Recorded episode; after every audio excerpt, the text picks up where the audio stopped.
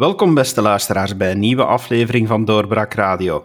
Ik ben David Geens. In de virtuele studio mag vandaag twee fantastische gasten ontvangen. Onze politieke kenners.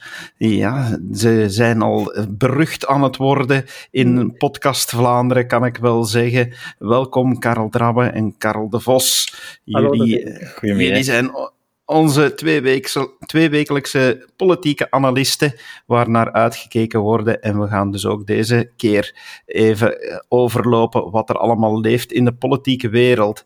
En ik ga met u beginnen, meneer Drabbe. De peiling die er geweest is, was dat voor u een verrassing? Het was vooral een verrassing om te merken dat het voor niemand een verrassing was. Ik denk dat het de eerste keer is dat er uh, opiniepeilingen zijn georganiseerd in uh, België, want het is een peiling die zowel over de Vlaamse publieke opinie als de Franstalige publieke opinie ging. Uh, dat het de eerste keer is geweest dat er een opiniepeiling is georganiseerd die zo weinig media-aandacht heeft gegenereerd.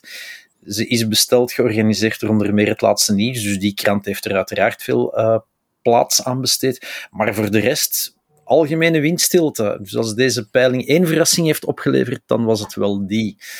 Maar goed, uh, als we dan gaan kijken naar uh, de, de cijfers zelf, en ik heb ze uh, speciaal voor deze podcast nog even opgezocht, en ik heb ze hier openstaan, dan zijn er een aantal ja, interessante zaken waar we, denk ik, de komende minuten verder op kunnen focussen. Eén, uh, de grootste procentuele toename, denk ik. Pas op, ik was niet de beste in wiskunde in het uh, secundair. Uh, maar op het eerste zicht lijkt mij de grootste procentuele toename, of verhoudingsgewijze toename, die van de P van de PVDA te zijn. Dus de Vlaamse PVDA, die haar zetels toch wel verdubbeld van drie naar zes, als we de peilingen mogen, mogen geloven. Maar veel interessanter vind ik eigenlijk, want ja, eh, PvdA en PTB vormen één fractie in de Kamer. En als zij dat doorzetten, dan wordt de PvdA-PTB, dan worden de neocommunisten de derde grootste fractie in de Kamer bij de volgende verkiezingen. Nogmaals, mochten deze peilingen werkelijkheid worden, want de N-VA verliest verder pluimen, wordt de tweede partij en het Vlaamse Belang uh, blijft de grootste partij. Maar de PS zakt namelijk van 19 naar 16 zetels. En PVDA-PTB, ja, die komen uit op, even kijken, op 19 zetels. Dus samen wordt dat een grotere fractie dan de PS, dan eigenlijk de almachtige partij van Wallonië. En ik ben ervan overtuigd dat we het daar zo meteen verder gaan over hebben, want het zorgde al voor enige deining afgelopen weekend uh, bij Magnet. Uh, maar dat, heeft, denk ik, een, dat zal denk ik een immense impact hebben op de verdere gang van zaken binnen Vivaldi. Want PS wordt echt wel op de linkerzijde, waar ze almachtig was, uh, ja, zwaar beconcurreerd. Dat is één, en nu ik het woord van Vivaldi uh, heb uitgesproken, dan zie je daar toch ook een belangrijke tendens is niet het juiste woord, maar toch een evolutie. Um, in de verkiezingen van mei 2019 heeft Vivaldi 87 zetels gehaald. Uh, op 150 is dat. En die zakt van 87 naar 83 waarbij dat de verschillen bij de meeste partijen minimaal zijn, behalve dus aan de linkerzijde SPA van 9 naar 11, dus het Conor-Rousseau-effect blijft toch nog wel enigszins werken. Maar de PS die van 19 naar 16 terugvalt, dat is toch wel uh, een stevige domper en uh, daar zullen we nog wel de gevolgen van merken, denk ik. Over naar de professor in politieke wetenschappen die, die, die dank meneer Drappen voor uw verschroeiend boeiende wiskundige analyse, maar waarvan de essentie helemaal in het begin zat, denk ik. Namelijk, dat ik um, niks van wiskunde ken. Nee, nee, misschien dat ook maar. Um, dat, dat het bijzonder weinig deining veroorzaakt heeft. Dat heeft natuurlijk alles te maken met het feit dat er eigenlijk ja, geen nieuws in zat. Alles blijft stabiel, weinig veranderd. Um, de beweging die je ziet, doet zich trouwens voor binnen de foutenmarge. Betekent dus ongeveer niets. Um, en die stabiliteit is er al sinds enige tijd. Het enige wat men daar als nieuws heeft uitgehaald is dat het Vlaams Belang uh, wat terrein verliest. Uh, maar bon, ze is uh, tegelijk al voor de zesde of zevende keer dat men die peiling sinds de verkiezing organiseert de grootste. En je ziet eigenlijk een vrij um, stabiel electoraat in Vlaanderen met een heel eenvoudige verdeling. Het Vlaams Belang hangt ergens rond die 25% ongeveer. De N-VA hangt ergens rond die 20%. Dan heb je de drie klassieke partijen die beetje haasje over. De ene peiling is de ene wat groter dan de andere, maar dat is dus allemaal irrelevant. Hè. Die, die positie van uh, 3, 4, 5, want dat, dat, kunnen, kunnen elk van hen zijn. Maar die zitten rond de 12, 13 procent, zit dat. En dan heb je op het einde van de rit twee partijen die uh, rond de 8 procent zitten die nu. Dus het, dus het partijpolitiek landschap is eigenlijk... Um, in een grote mate sinds de verkiezingen al stabiel. Uh, en dat is natuurlijk omdat ja, sinds de verkiezingen uh, er nog niet ontzettend weinig gebeurd is. Uh, toch niet sinds de regeringsvorming in elk geval. Vlaams Belang op 25, N-VA op 20, de klassieke 3, 12, 13 en dan Groen, Partij van de Arbeid rond de 8. Um, wat mij opviel was dat, um, ondanks het, uh, de, vervelende dossiers die op een VLD toch te slikken kregen de voorbije weken, uh, El Kawakibi, zonnepanelen, desondanks uh, de partij um, stand hield en zelfs licht vooruitgang boekte. Maar ik moet mezelf dan tegenspreken, want ja, dat zit ook in die foutenmars, dus dat is eigenlijk ook irrelevant. Wat je er ook zou kunnen uithalen is dat de SPA, ondanks het feit dat zij uh, toch twee populaire figuren in haar rangen telt, Frank van den Broek en Con Rousseau, die op plek 3 en 4 staan, als ik me niet vergis, van de populariteitspol, dat die partij ja, daar toch niet veel profijt mee doet, terwijl op een VLD, die ligt vooruitgang eh, ja, ziet verklaard worden door het, door het succes van, van Alexander de Croo. En dus dan geldt die um, sterke figurenregel blijkbaar niet voor de socialisten. Je kan nog wel een tijdje doorgaan met dat soort van over-overanalyses van uh, minuscule details. Ik denk dat grosso modo er ongeveer niks verandert. En wat voor mij um, veel interessanter is dan die peiling, of van ik... Ja, hoop dat ze niet te veel kost hè, voor, voor, de, voor degenen die het moeten organiseren, want veel nieuwswaarde zit er dan weer niet in, is uh, wat er in Nederland gebeurt. Dat vind ik veel interessanter. Uh, ik weet wel dat je de Nederlandse verkiezingen niet kunt copy-pasten op België-Vlaanderen, maar daar heb je een, een verkiezing in volle coronaperiode um, en um, je zou mocht je dat vele maanden geleden gezegd hebben, misschien kunnen denken, ah, dat zullen linkse partijen die uh, herverdeling, sociale zorg, uh, sterke staat bepleiten, wellicht rugwind krijgen uh, door dat hele corona-verhaal. En zullen liberalen misschien die pleiten voor meer markt en een minder sterke staat wat tegenwind krijgen. Maar je ziet in Nederland dat ja, die linkse partijen daar op het eerste zicht, we wachten wel tot morgen overmorgen, om dat allemaal goed te duiden, daar niet veel voordeel bij doen. En dat in tegendeel uh, Rutte, die dan bovendien uh, ontslag heeft genomen omwille van een soort schandaal, ja, dat hij als de grote sterke man naar boven komt. Met andere woorden, blijkbaar uh, de idee dat zo'n crisis die dan gaat over gezondheid, herverdeling, sterke staat, bescherming, ja, daar doen linkse partijen niet per definitie voordeel bij. En twee, blijkbaar kan die leider zelfs al heeft hij toch een serieus accident geleden onlangs met die toeslagenaffaire. Blijkbaar kan die leider, omwille van het feit dat hij leider is, heel veel sympathie meepakken. En als we dat in die verkiezingscijfers zien, dan vind ik eigenlijk de Nederlandse verkiezing een interessanter um, peilingsinstrument, waar je dat niet zo mag beschouwen, dan die peiling die in de krant is verschenen met twee kanttekeningen wat Nederland betreft. Um, alle media, in de Nederlandse media zijn het er quasi over eens. En je ziet ook dat de Vlaamse media die analyse bijna klakkeloos overneemt. There is no alternative hè, voor Rutten. Uh, hij is twee keer zo groot dan de twee. De VVD was in alle peilingen twee keer zo groot als de tweede partij, de Partij voor de Vrijheid van uh, Geert Wilders. Dat is één. En twee, um, heel de issue, of heel het issue van uh, gezondheidsbeleid, uh, corona en aanverwanten spelen eigenlijk helemaal niet mee in de debatten. Maar de toeslagenaffaire, waar dat de regering dan een paar weken geleden, vlak voor de eindmeet, uh, gesneuveld is, speelt eigenlijk ook helemaal niet mee. Dit is een discussie of een debat of een verkiezing zonder voorwerp in Nederland. En dat hebben we in België of in Vlaanderen toch nog niet echt meegemaakt. In Nederland denk ik het ook niet hoor. Uh, zullen we wel zien, daar zal de grote uitdaging de versnippering zijn.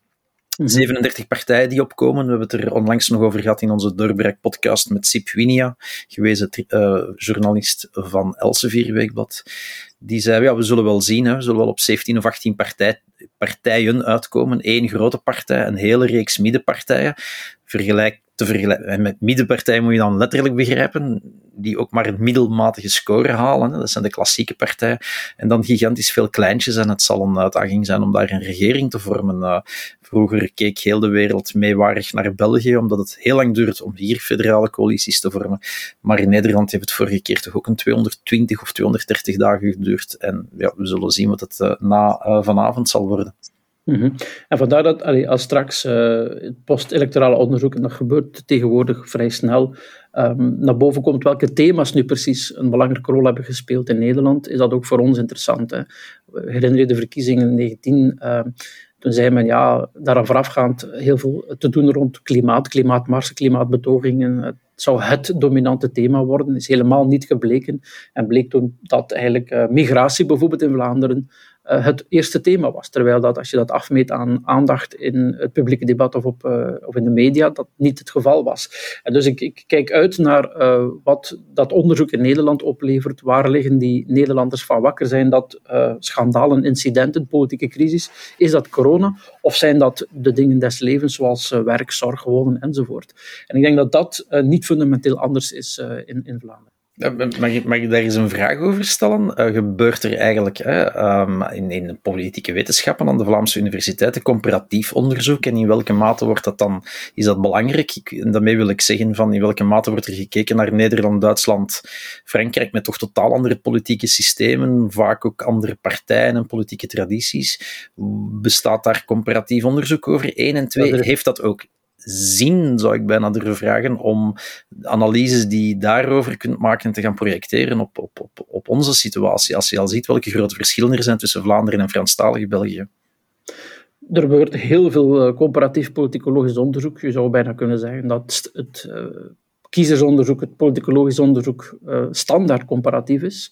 Het heeft ook te maken met het feit dat wij in België, zeker Vlaanderen, een kleine, onbetekenende regio zijn, waarmee je trouwens ook niet zo evident internationaal kunt publiceren. Ik bedoel, dat ligt dan mhm. minder aan de intrinsieke kwaliteit van het stuk, maar bon, ja, alleen case study over Vlaanderen, hoe boei je daar een internationaal publiek mee? Dus vandaar dat zeker bij ons uh, heel vaak comparatief wordt gedacht. En dan, ja, dan is het de kunst, eh, de kunde om, uh, om in die analyses die specifieke contextfactoren die in dat ene land zo anders zijn dan in het andere, om die om die goed in te schatten en die bij wijze van spreken te neutraliseren in je vergelijkanalyse. Dat kan best. Hè. Als je bijvoorbeeld fundamenteel peilt naar waar liggen kiezers wakker van. Ja, er zijn uh, zelfs Europese standaardvragen hè, die in de Europese Unie uh, kunnen gebruikt worden om eigenlijk wat fundamenteel bij kiezers uh, op de lever ligt, los van hoe ze dat partijpolitiek vertalen, want dat hangt dan weer af van het partijsysteem, meer partijen, twee partijensysteem. Dat moet je dan natuurlijk meenemen als je daar die analyse maakt. Maar bijvoorbeeld, ik zeg maar iets, links-rechts positionering of het rangschikken van, uh, van fundamentele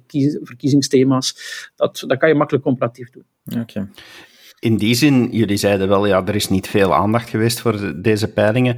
Op sociale media was er, in, was er wel een beetje beweging toch alleszins omtrent deze peiling. Voornamelijk dan de vraag naar de waarde van zo'n peiling. Men, men stelde daar vaak de vraag, ja, men gaat peilen bij duizend mensen. Is dat nog wel voldoende? Hebben die peilingen nog wel waarde tegenwoordig, nu de mensen zo verschillend van aard zijn? Want ja, daar werd zelfs aangehaald, men lukt er niet meer in om op voorhand in verkiezingen te zeggen waar de burger van wakker ligt. Dus laat staan dat zo'n peiling nog enige waarde heeft. Uh, professor, is, is daar academisch onderzoek naar om, om te bepalen hoe een, een peiling nog waarde kan hebben?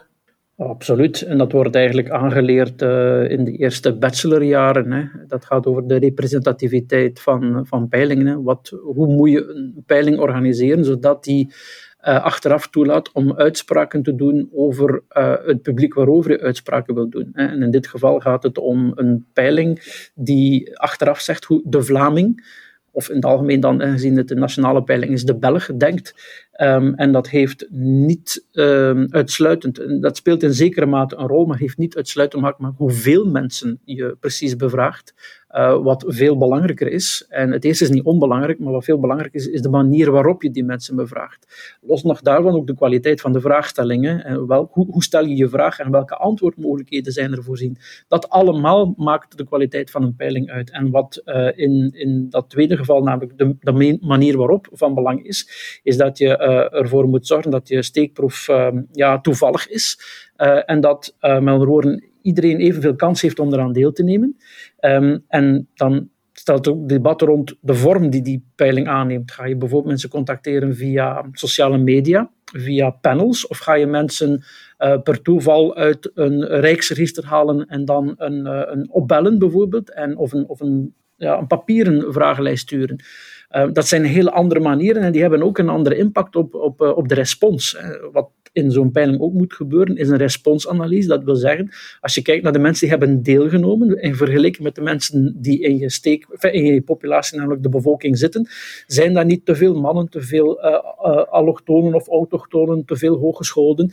En als dat zo is, dan weten we dat dat een vertekend beeld geeft. Uh, wat men dan vaak doet, is dat corrigeren men uh, past een aantal uh, correctiefactoren toe. Hè. Stel dat uh, uiteindelijk in het, bij de mensen die hebben deelgenomen te veel hoogopgeleide witte mannen zitten, waarvan we weten dat die meer kans hebben om een bepaalde richting te stemmen, dan wordt dat gecorrigeerd door bijvoorbeeld de stemmen van een aantal, ik zal ze nu maar heel, heel simpel, laaggeschoolde autochtone vrouwen, om die, om die daar wat te, in te corrigeren en bij wijze van spreken een hoger gewicht te geven.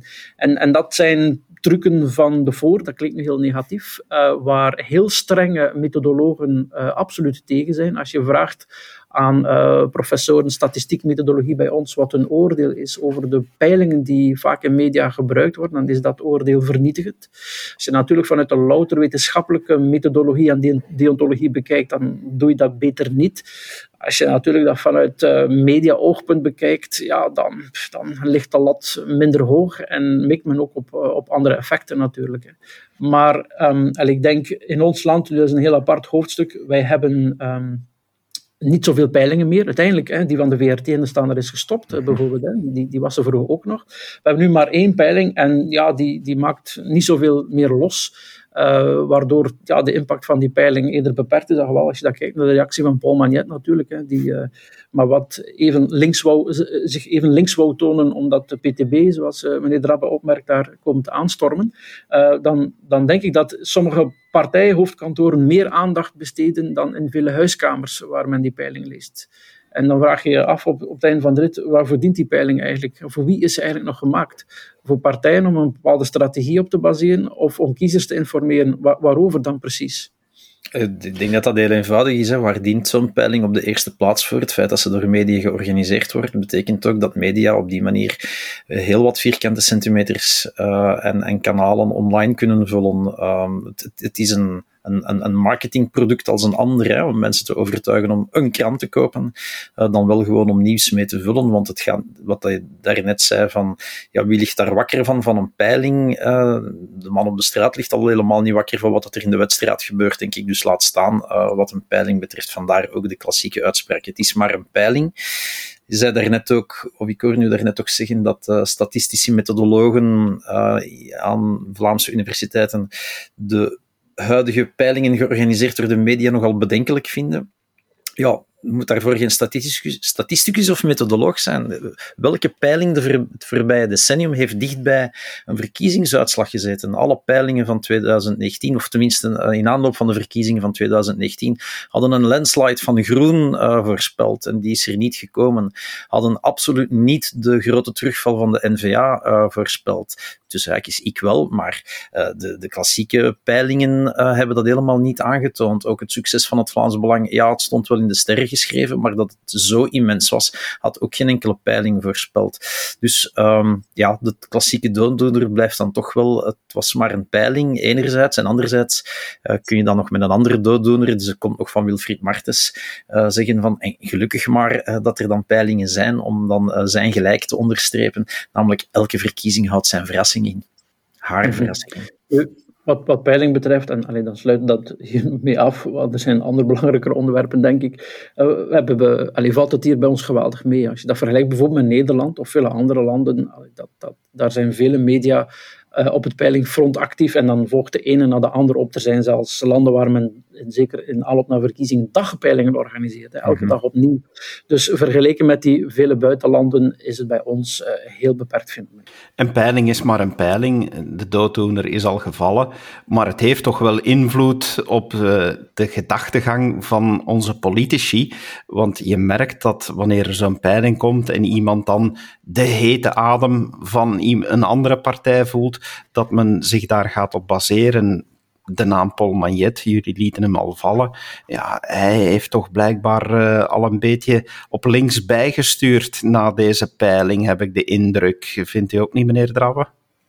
Uh, ja, de vraag is alleen wat de impact daarvan zal zijn. Hè. Was het een korte termijn reactie van Magnet, die nu heel, heel, heel specifiek uh, de vakbonden die volgende week maandag, geloof ik, willen staken voor hogere lonen, Um, hij heeft dat meteen gesteund hè, met de uitspraak: ik sta 200% achter de staking, waarmee hij eigenlijk um, het regeerakkoord in vraag stelt, hè, waar gezegd is van, van de loonnorm niet af te wijken, tenzij eventueel via omzendbrieven uh, relatief kleine loonsveranderingen, stijgingen concreet voor bepaalde sectoren. Um, eerder voor winstgevende sectoren hebben we Alexander de Croo dan uh, horen zeggen. Maar ja, dat is een kort. Uh, dat is misschien ook maar een steekvlam-uitspraak of aan steekvlampolitiek doen. Hè. Die peilingen zien, weten, ja, daar gaat toch 24 uur in de media wel iets uh, over te doen zijn. Ik zal maar snel even de gaspedaal in de. We zullen wel zien hoe heet de soep wordt gegeten, of tenminste of ze zo heet zal worden gegeten als ze door Paul Magnet wordt opgediend. Um, feit is dat. Um, kijk, die vakbonden staken maandag. Uh, er kan nog altijd in het sociaal overleg worden gepraat. Um, de werkgevers zijn niet bereid om de vakbonden uh, blijkbaar uh, tegemoet te komen, zo merken we.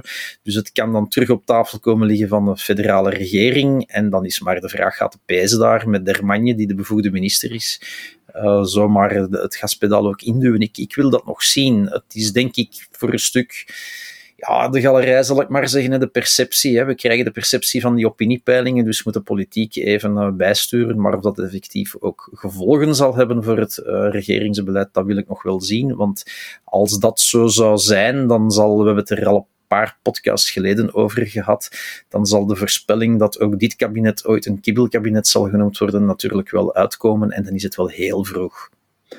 Absoluut. Um, ik denk um, dat die, die woorden van Magnet misschien te maken hebben met die peiling, maar vooral eh, blijk geven van een uh, grote frustratie die bij DPS over dat thema zit. Namelijk, ze hadden maar wat graag in het regeerakkoord uh, de aanpassing die de regering Michel heeft doorgevoerd op de wet op de loonvorming 1996, waar, in mensen al die eigenlijk verstrengd is. Men had maar wat graag in het regeerakkoord die verstrenging van de regering Michel ongedaan gemaakt. De, de twee liberale partijen zijn daar gaan voorstaan en zeggen nee, dat kan niet. Dat gaan we niet. Die erfenis van Michel moet je uh, respecteren. gaan we dus niet doen. Dus die, die verstrenging van de loonwet uit 96, waardoor er nu maar slechts 0,4 procent uh, loonstijging bovenop uh, de aanpassing van de lonen aan de index mogelijk is. Um, ja, die verstrenging die is doorgevoerd in de regering Michel, die moet je respecteren. En dat is ook gebeurd. In het regeerakkoord uh, staat dat op die manier. Maar de socialistische partijen, ook Conrousseau bijvoorbeeld, die zijn er eigenlijk wel... Um, ja, rouwig om, zal ik maar zacht uitdrukken. Misschien zelfs voor een stuk gefrustreerd. want dat hebben ze niet binnengehaald. En wat je nu ziet, is dat Paul Magnet uiting heeft aan, aan, aan dat gevoel van, van, van frustratie. En hij wil ook tonen aan, aan de vakbonden, uh, natuurlijk voor een stuk onder druk van de PTB, I feel your pain. Ik, ik begrijp je wel. Maar voor mij is essentieel, wat meneer Drabbe dan ook opmerkt, uh, in welke mate wordt um, die, die uitspraak van Magnet een werkelijkheid binnen de regering? Want aan de buitenkant staan toeteren dat je voor 200% achter een betoging staat die eh, volgens hem niet een betoging tegen de regering is, wat fout is. Het is in principe binnen het loonoverleg een betoging of een staking van de vakbond tegen de werkgevers. Maar waarom doet die vakbond dat? Die, die vakbond doet dat alleen maar om de regering onder druk te zetten om die uh, aanpassing van de loonwet door de regering Michel terug te schroeven. Dat is de hoofdbedoeling. Dat zeggen ze ook bij de vakbond. We willen de regering daarmee onder druk zetten. Dus dan zeggen als uh, partijvoorzitter dat je een betoging steunt voor 200% is bizar, vind ik. Hè? Want dat is eigenlijk een, een betoging tegen je regeerakkoord, dat, dat je zelf hebt gesloten, nota bene. En dat je dan die betoging steunt, dat is bizar. Um, maar zolang dat allemaal maar woorden voor de galerij zijn, enfin, ze dienen natuurlijk ook wel iets, hè, want het is niet, ze zijn niet zinloos omdat ze voor de galerij zijn, uh mhm. -huh. ja, dan valt het nog mee. Indien daarentegen binnen de regering de PS-ministers uh, ja, de opdracht krijgen, Armania en anderen, uh, dat ze dat moeten op de tafel van het kernkabinet leggen, ja, dan, heb je, dan heb je problemen binnen de regering Michel. Vooralsnog zijn die er niet. Vooralsnog is de profilering tussen de partijen beperkt gebleven tussen de voorzitters buiten de regering en is de regering als dusdanig nog niet gecontamineerd, bij wijze van spreken. Ik zat gisteren toevallig op een vergadering, enfin, ik zat niet toevallig op die vergadering, ik zat op een vergadering waar een fractieleider uh, aanwezig was. Dat had helemaal niks met politiek te maken. En een fractieleider van de meerderheid, en die vertelde mij hoeveel intern overleg er binnen Vivaldi tussen de partijen is om uh, alle mogelijke dossiers, ook binnen het parlement, was een fractieleider, ook binnen het parlement, um, om over alle mogelijke dossiers met elkaar te spreken, om, om fricties en accidenten te vermijden, de plenaire, de commissies enzovoort. En, en dat is ook binnen de regering zo. Dus de regering en de meerderheid in het parlement doen heel hard hun best om te proberen elke ontsporing te vermijden. En ik moet zeggen dat dat tot nu toe vooralsnog vrij goed gelukt is. En de, de, de, botsingen die zich voordoen tussen regeringspartijen beperkt blijven tot voorzitters buiten de regering. Dus op dit moment is de regering daar nog niet door gecontamineerd. En de vraag is maar of inderdaad in de komende weken, er is het loonoverleg, maar er gaan straks nog rond pensioenen dingen te gebeuren. Er komt nog een grote conferentie rond werkgelegenheid waar toch arbeidsmarkthervormingen zullen aangekondigd worden of, of dan die, die grote cohesie stand blijft houden. Dat zullen we wel zien op het moment dat het zich aandoet. Maar het is toch wel een feit dat alleszins de voorzitters op dit moment, en het gebeurt al wel eens beurtelings. Het kan evengoed Boucher zijn, het hoeft niet altijd Paul Magnet te zijn, die van buiten de regering toch oppositie voeren eh, naar bepaalde standpunten. Boucher die het eh, niet eens is met coronamaatregelen, Magnet die, die nu duidelijk laat inderdaad zijn, uh, zijn ergernis blijken over die loonnorm is dit toch niet de voorbode van, van gekibbel dat er, dat er zit aan te komen, omdat het regeerakkoord eh, daar te vaag is ingebleven of bepaalde dingen niet heeft uitgewerkt?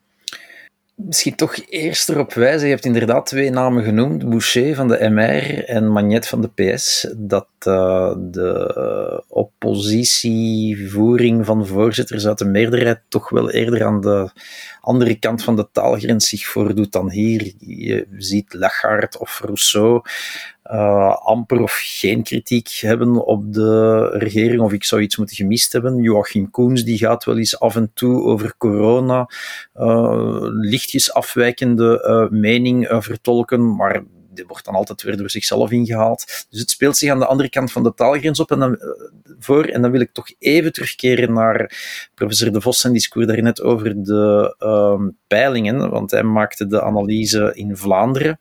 Maar in Vlaanderen, en dat klopt, hè, het politieke landschap is in Vlaanderen zeer, uh, zeer stabiel.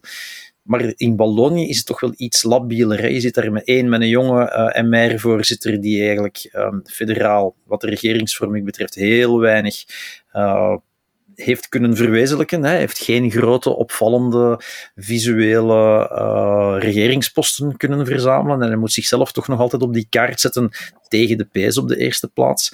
De PS zit dan met die hete adem van steeds maar groter wordende PTB-PVDA uh, in de nek.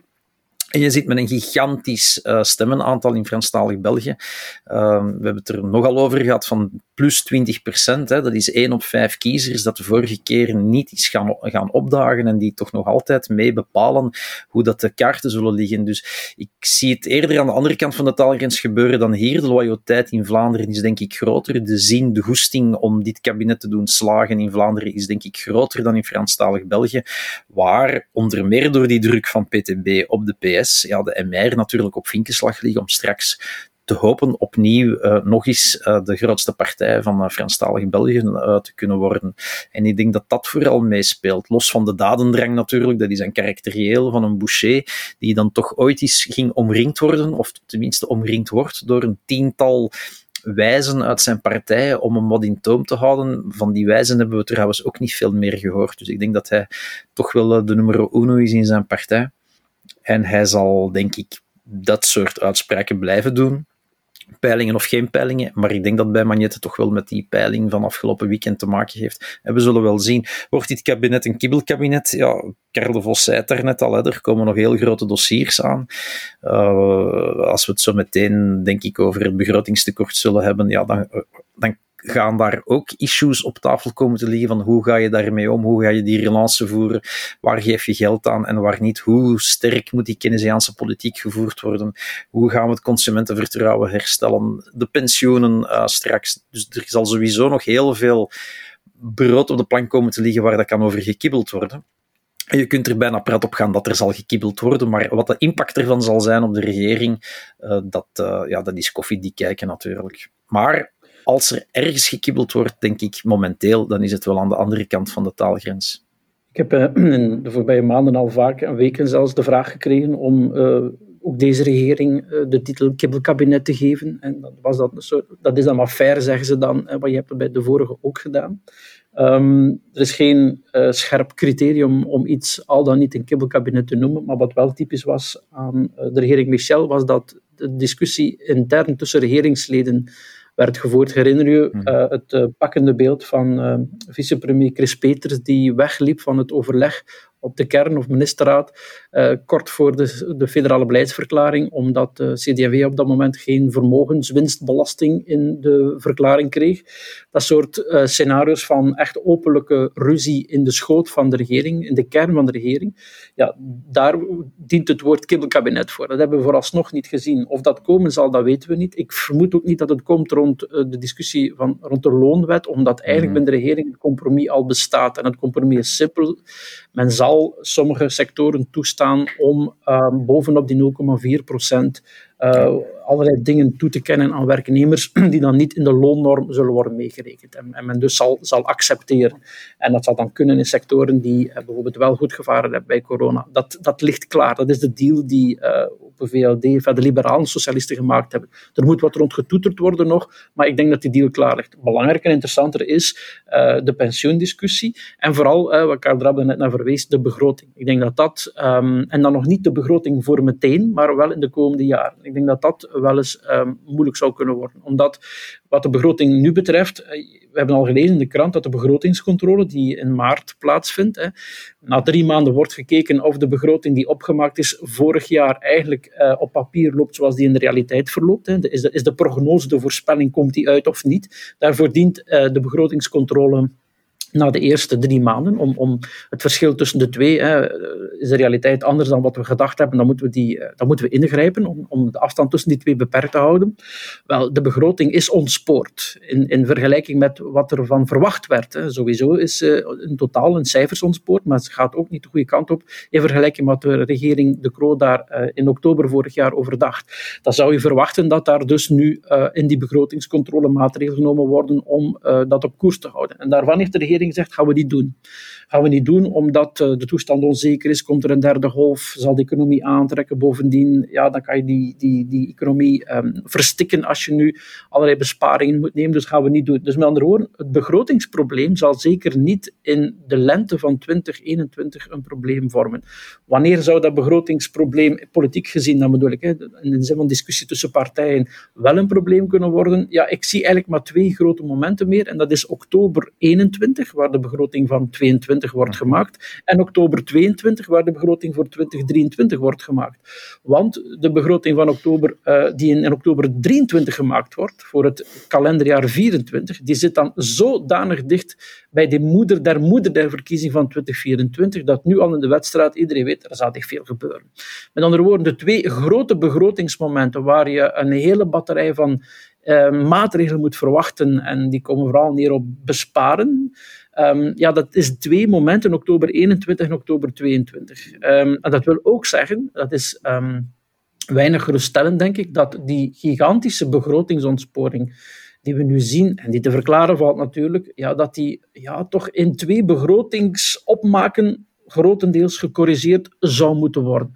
Zal dus niet gebeuren. Ik bedoel, daarvoor, daarvoor is die, zijn die twee momenten te beperkt in vergelijking met de totale budgettaire opdracht. Die, um, en daarmee sluit ik af, die zoals um, bekend voor een stuk door corona is veroorzaakt, maar het zat al niet goed.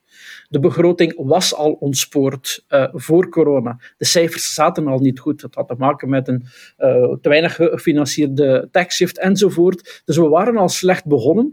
Corona heeft dat nu nog meer uit balans geduwd. Dus we gaan heel wat tijd en moeite nodig hebben om dat ooit terecht te krijgen. En dan ga je denk ik een veel meer uh, opvallend aanwezige en als door een, een bijgestoken Paul Magnet uh, bezig zien. Hè? Want besparen. Allee, uh, minister, sorry, staatssecretaris De Bleker heeft het al opgemerkt in een of ander college dat ze recent de afgelopen week heeft gegeven dat we de komende jaren de broeksriem moeten aantrekken. En Karel de Vos had het ook al over besparen. Het kan niet anders, of het kan bijna niet anders, uh, zei hij min of meer letterlijk. Ja, dan zit je dus met een gigantisch probleem op links en op de eerste plaats bij de PS omwille ook om, van het feit dat de PTB in zijn nek hecht. Van hoe gaat hij reageren? Wat gaat hij op tafel liggen? Hoe ver zal hij willen bewegen? En uh, ja, zoals ik al zei, dat is koffiedik kijken. Maar ik vrees dat er dan wel eens serieuze discussies uh, naar boven zouden kunnen komen. Ja. Vooral het is inderdaad zo dat uh, ja, kibbelen ontstaat omdat er keuzes moeten gemaakt worden, en zoals u zegt, meneer Drabbe. En keuzes ja, die moeten gemaakt worden omdat er beperkte budgetten zijn maar zolang dat men ja, zegt van er is geld genoeg, kan iedere keuze gemaakt worden in de zin van ieder, ieder lijstje kan ingewilligd worden. Dus het, uh, men schuift het nu voor zich uit en de grote discussies zullen dus nog volgen. De, ja, maar ik denk wat daar ook van belang is, is dat um, Europa heeft nu tijdelijk haar uh, eh, 3% grens uh, opgegeven. Je weet van Europa mag je maximaal 3% onder het begrotingstekort hebben. Dat hebben ze nu gezegd van tijdelijk mag je daarover gaan door corona. Op een bepaald moment zal Europa die grens opnieuw invoeren.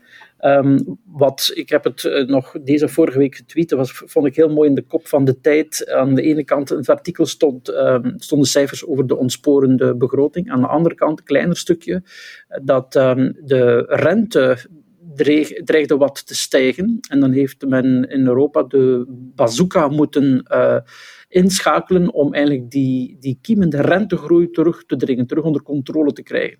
En dus het idee, ik ben helemaal geen econoom, maar het idee dat, dat velen proclameren, namelijk die totale schuld is eigenlijk niet zo'n probleem als die maar voor de goede dingen gebruikt wordt. En het bestrijden van corona is een van die goede dingen. Ja, dat, dat is misschien wel waar, maar van zodra die rente toch zou groeien en die Europese bazooka aan het werk moet en ooit opgebruikt raakt, dan heb je natuurlijk wel een gigantisch probleem waar, waar, waarmee we de volgende generaties opzadelen. En ik, um, ik ben zelf een, een, kind van de tunnelgeneratie. Ik heb mijn hele leven al gehoord dat, het, dat er licht is aan het einde van de tunnel. En ik ben al meer dan een halve eeuw aan het rijden in die tunnel op zoek naar dat licht, waarvan ik soms denk dat het licht is van, de tegenover, van een trein die in de tegenovergestelde richting komt. Uh, maar de, het idee dat, dat, dat wij nu op die manier, uh, ja, het is misschien niet zo erg en dat valt allemaal wel mee en het is om de goede redenen. Dat zijn misschien dingen die ze in de jaren zeventig op een bepaald moment ook wel gedacht hebben. Uh, toen twintig jaar later onze kinderen of kleinkinderen dan denken van, jongens, hadden jullie dat toen destijds maar iets anders aangepakt, dan zaten wij er niet mee. Dus ik heb een beetje schrik dat de geschiedenis zich zal herhalen. En dus ik denk dat we, dat we moeten ook voor de generaties na ons dat op orde brengen. Maar evenzeer dan als besparingen zijn ook hervormingen nodig. En dat lees je ook in heel veel analyses, internationaal en nationaal, van s morgens vroeg tot s avonds laten zeggen ze, jongens, jullie moeten iets doen, bijvoorbeeld aan die arbeidsmarkt. Jullie moeten iets doen aan die pensioenen. Zeker als je op een bepaald moment naar een minimumpensioen van 1500 euro netto wil gaan, dan ga je dat toch eens moeten bekijken. Aantal gewerkte jaren, wat tel je mee enzovoort. En dus volgens mij zijn die, die hervormingsmaatregelen even belangrijk, misschien zelfs belangrijker wezen structurele aard, dan eenmalige uh, begrotingsingrepen. En ook die discussie over ja, die hervorming die moeten doorgevoerd worden, en die, zoals je terecht opmerkt, in het regeerakkoord eigenlijk vrij vaag gebleven zijn, die moeten nog bediscussieerd worden in de schoot van de regering. En dus zullen we wel zien of uh, daar iets van komt en, en of daar eventueel ook gekibbel van komt. Ja, en dan zit je natuurlijk met het punt, als je echt wil gaan hervormen, een paar zaken. Eén, dan gaat dus links tegenover rechts, ik bedoel dan meer sociaal-economisch, klassiek, hè, links tegenover rechts, rood tegenover blauw zullen uh, tegenover elkaar komen te staan. Tweede keuze van de hervormingen, ja, die zal niet alleen op federaal niveau moeten gebeuren, maar zal ook op regionaal, moeten gebeuren, regionaal niveau moeten gebeuren. Onderwijs bijvoorbeeld, om, en, en ook arbeidsmarkt. Uh, daar, daar liggen echt wel grote werven. En met het woord werf wil ik dan verwijzen naar een opinietekst die gisteren op de tijd is verschenen van een aantal uh, belangrijke economen, of chief economist, zoals dat tegenwoordig heet. Hè. Bart van Krijnest en een Peter de Keizer waren een paar van de namen uh, die de tekst hebben ondertekend, die tien werven naar voren schuiven, waarvan ik instemmend uh, de kennis heb genomen, maar waarvan ik mij de bedenking maakte van, god ja, politici die hiermee naar, boven, naar buiten komen en die, die hier werk van willen maken. Ik ga verwijzen naar Bruno Tobak, die zei, ik weet hoe dat je het klimaatprobleem moet oplossen, maar dan word ik volgende keer niet herverkozen. En ik vrees dat het hetzelfde geldt voor eh, deze werven. Hoe belangrijk ze ook zijn, die hervormingen moeten doorgevoerd worden om dit land naar de 21ste en straks naar de 22ste eeuw te tillen, want dat is maar 80 jaar meer ik ben historicus, hè. ik kijk al eens graag op langere termijn. Maar uh, kijk, we hebben het in de jaren 70, hè, sinds de oliecrisis van 273, hebben we het uh, verkeerd aangepakt, waar Karel de Vos daarnet al uh, terecht eh, naar verwees. En ik heb de indruk dat we 50 jaar later nog altijd geen lessen hebben geleerd hoe dat we een samenleving in een andere plooi kunnen leggen om een goede toekomst voor kinderen en kleinkinderen te kopen. We zien dan wel geen gekibbel in deze regering, maar wat we wel zien is het feit dat ze toch niet zo makkelijk tot hervormingen overgaat. We, hebben nu het voorbeeld deze week van de staatshervorming. Daar is al vijf maanden zijn twee ministers uh, in voorbereiding.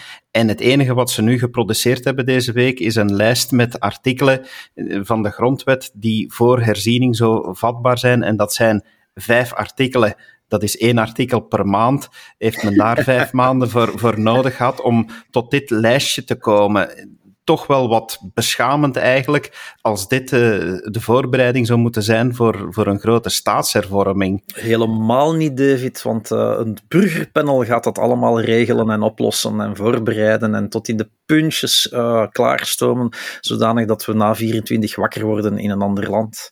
Alle gekheid ik vermeld er nu wel even bij dat ik u zie, meneer Drabbe, en dat de luisteraars dat niet doen, en dat ik aan uw gezicht zie dat dit enorm cynisch bedoeld was. Hè? Dit was vooral heel cynisch bedoeld, ja, of sarcastisch, zo je wil. Uh, alle gekheid op een stokje, uh, ja, vijf artikels per maand is, is, is, is even grappig natuurlijk, uh, David. Maar um, in, in het voordeel van het lijstje pleit uh, het artikel, wat is het, 195? Uh, eh, Karel de Vos van, ja inderdaad, ik zie jullie ja knikken. Uh, wat nog altijd de mogelijkheid creëert om in een volgende legislatuur toch nog andere artikels ook open te stellen voor hervorming. Ehm, dus dat is een klein hoopgevende zaak. Ik kan me wel indenken dat dat vanuit de koker van Annelies Verlinde komt, met andere woorden vanuit de koker van de CD&V. Anderzijds, ja, we hebben het er nogal over gehad. Um, de andere um, minister ter zake vanuit de MR, de MR die toch een heel tricolor pad probeert af te leggen. Die zijn geen vragende partij van een staatshervorming. Hè? Dus ik denk dat er, ja, is dat een, een, een kiem voor verder gekibbel. Dat zal van het burgerpanel afhangen. En nu bedoel ik, bedoelde ik dit niet cynisch. Um, we, zullen, we zullen wel zien. Ik, ik verwacht er niks van, hè, of dat er nu vijf artikels op tafel liggen of niet. We hebben het er eerder al over gehad. Ik denk, zolang dat je niet artikel 35 op tafel legt om die grondwet uh, fundamenteel te gaan uh, herzien, dan gaat er niks gebeuren. Langs de andere kant maak ik me nu wel de bedenking dat. Um, ja, je zit natuurlijk ook met de transfers, uh, met de financieringswetgeving, die is uitdovend, uh, zoals we weten. En dat zal vanaf 24 of 25 zijn dat dat echt wel uh, zijn, zijn beslag zal kennen. Um, dus ik kan me wel indenken dat er vanuit de PS de druk ook wel eens zou kunnen opgevoerd worden. Hè. Niet alleen wat sociaal-economische thema's betreft, waar we het daarnet al even over hadden, verlengde van het begrotingstekort. Maar dat de PS ook op, vlak, eh, op communautair vlak misschien toch wel eens de, de, de gaspedaal zou willen induwen. En niet zomaar alle hoop bij een burgerpanel leggen, maar toch gaat hopen om een aantal um, bevoegdheden wat homogener te maken uh, op Waals niveau, om de, trans, sorry, om de reset daar mogelijk te maken. Uh, want uh, Wallonië zal het straks nodig hebben als die financiering stilletjes aan begint uit te doven. Hmm. Ik moet zeggen dat uh, ik even min onder de indruk ben van het feit dat, dat die vijf er zijn, waarvan er 195 ook bij de regeringsvorming was afgesproken. En dat moest er sowieso in. Uh, voor de rest staat artikel uh, eh, 96 er nog in. De, als me niet vergis, de koning benoemt en ontslaat de minister, is het artikel dat verwijst naar de formatie. Ook daar um, ja, werd van gezegd dat dat moest behandeld worden. Hè. Die, die, die manier van regeringsvorming zou moeten aangepast worden. Uh, nu, als je dan luistert in de wedstrijd, geeft men daar geen uh, al te duidelijke plannen over en zouden radicaler voorstaan, zoals de automatische ontbinding van de Kamers na x maanden na de verkiezing, indien er geen meerderheid gevormd is. Of uh, dan zullen de partijen die uh, de Vlaamse Waalse regering vormen, een federale regering vormen. Ja, die dingen die hoor je niet passeren. Het gaat over uh, zachtere maatregelen dan dat. Dus ik, ik vrees een beetje dat um, de berg een muis zal baren op het eind van de rit. Uh, men houdt nu nog een slag om de arm, want men zegt men, dat zijn er vijf om mee te beginnen. Die waren eigenlijk beloofd bij de aanvang van de regeerperiode. Aanvang is ook een uh, betrekkelijk begrip natuurlijk. Hè. Is het niet nog, nog de aanvang nu, maar goed. het zijn er vijf en het kunnen er meer worden. En die, die, die aantal, dat aantal artikels kan nog groeien uh, als dat burgerdebat later uh, dit jaar, vermoed ik, uh, tot allerlei nieuwe inzichten zal komen. Nu, als dat het criterium is, um, als je zo'n burgerdebat loslaat en je organiseert met de Vlaamse beweging massale participatie, ja, dan ga je gewoon de hele grondwet in dat burgerpanel maar naar boven laten komen. Dus vroeg of laat zal men toch binnen de regering moeten trancheren. Dit is een kwestie van ja. uitstel. Uh, de, de padstelling, enfin, padstelling, de blokkage die, die, ja, die gesymboliseerd is tussen een verlinden enerzijds, zeg maar CD&V als de meest Vlaamsvolende partij van de regeringspartijen en de MR Klarinval anderzijds, MR de partij die het meest vasthoudt aan het bestaande België. Ja, daar is een soort, um, soort van ja, wederzijds vetorecht, hè, uh, waarbij de ene de ander wat onder controle houdt. En dus komt men niet verder dan die vijf. En de zin, het burgerdebat zal dan later het jaar wel zien of er nog veel, veel bij komen, is voor mij wetstrategisch voor uitstel. En we zien dat later wel, uh, maar dat debat zal sowieso dan opnieuw binnen de schoot van die regering gevoerd moeten worden, tenzij men vanuit uh, bijvoorbeeld CD&V zegt, bon, als het zo is, hou het dan bij 1, 195. En dat is de paspartout op de grondwet, waartegen de Vlaamse beweging ook wel storm liep toen uh, de zesde staatshervorming in 2011 uh, die Roepo gebruik maakte van die paspartout en, het ook meteen zogezegd afsloot voor de toekomst. Wij mogen dat één keer gebruiken, die paspartout, maar daarna mag het nooit meer op die manier gebruikt worden. Je zou kunnen zeggen, ja, hou het dan bij 195. En daarna zien we wel na de verkiezingen wat die constituant dan precies doet.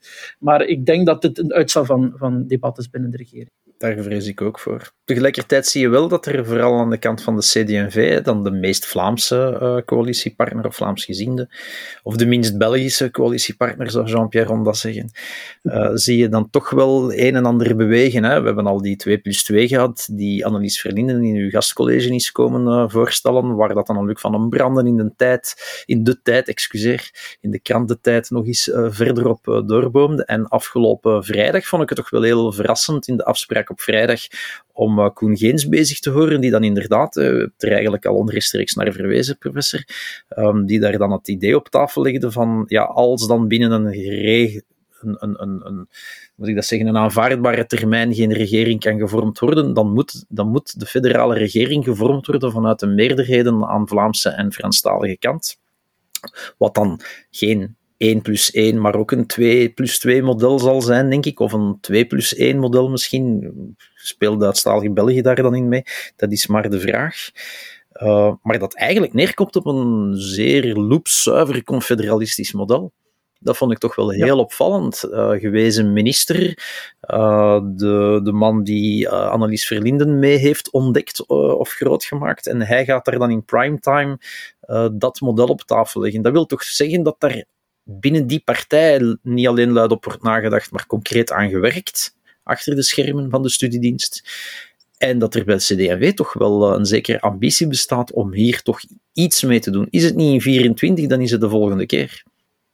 Dat is juist, als je bij de CD&V uh, luistert, dan hoor je bij verschillende kopstukken um, veel verdergaandere voorstellen dan je binnen Vivaldi hoort, waar denk ik het allemaal, ook wat dat betreft, hè, wat de regeringsvorming betreft, wat bij het oude wil laten, misschien wat cosmetische oefeningen, waardoor je bijvoorbeeld op een bepaald moment um, een parlementair plenair debat moet hebben over de regeringsvorming en het dus um, in het publieke brengt, die discussie, terwijl het nu formatie een zeer elitair proces is. Het blijft binnenskamers, letterlijk achter gesloten deuren tussen kopstukken van partijen. Daar wordt dat formatiedebat gevoerd. Een van de pistes is om dan op een bepaald moment uh, daar een breed plenair debat over te voeren. En dan breng je dat in die open. Um, dat soort van dingen circuleren nu, terwijl bij CD&V die, die gedachte van het afspiegelingscollege, ook bijvoorbeeld bij Hilde Krevits vroeger uh, werd naar voren geschoven, maar ook Joachim Koens is wat die uh, formatievorming betreft bereid om, om, om wat verder te gaan. Dus ik, ik, dat wat Kadrabbe zegt, ik hoor dat ook, ik vang dat op Mhm. bij CD&V, dat men bereid is om, om op het institutioneel in het algemeen, maar ook rond het punt van de, van de regeringsvorming, ehm, en zelfs als het gaat over eh, kieshervorming, dus laat ons regeringsvorming en kieshervorming onder het stukje politieke vernieuwing steken, hè, het andere staatshervorming, eh, ook rond, rond die politieke vernieuwing, daar heeft Joachim Koens al bijvoorbeeld gezegd, ja, ik wil wel eens nadenken over ehm, die kiesomschrijvingen. Hè. Moet dat nog provinciaal of kan dat kleiner? Uh, en daar voel je die bereidheid wel, maar ja, dat, daar, daar is elke partij binnen die Vivaldi-regering natuurlijk een vetospeler. Um, en ik vrees dat, dat het bijzonder moeilijk zal zijn om, uh, om daar uh, in de schoot van deze regering echt tot geprononceerde voorstellen te komen. Want dat is wel de belofte. Hè. Deze regering zou nadenken, zou pistes uittekenen. En die zouden bij wijze van spreken afgeleverd worden aan de formateurs na 24. En dan zouden die formateurs na de verkiezing van 24 kunnen gebruik maken van al dat denk- en onderhandelwerk dat in de schoot van de regering uh, de Croo is gebeurd. Dat is, dat is de theorie. Ik vrees eerlijk gezegd dat het eindproduct van de regering De Croo misschien een vage beschrijving van mogelijkheden zal zijn, misschien een soort van menulijst, maar weinig echt uitgewerkt geprononceerde voorstellen. En het debat dus ten gronde dan toch maar weer tijdens die formatie van 24 zal moeten gebeuren. Ik kan daar niks aan toevoegen. Dan ja, weten we al. Het nu even niet. Nee. Dan weten we al waar we in de toekomst nog gaan over praten. Uh, want uh, heel veel wordt naar voren geschoven. Het gekibbel dat er misschien nog nodig zal zijn onder ons drieën over, uh, over de keuzes die gemaakt worden en onze commentaren die we geven. Dat, dat is allemaal dan nog voor de komende weken en maanden. Blijft boeiend om naar uit te kijken. Rest me nu nog om jullie te bedanken voor jullie analyse.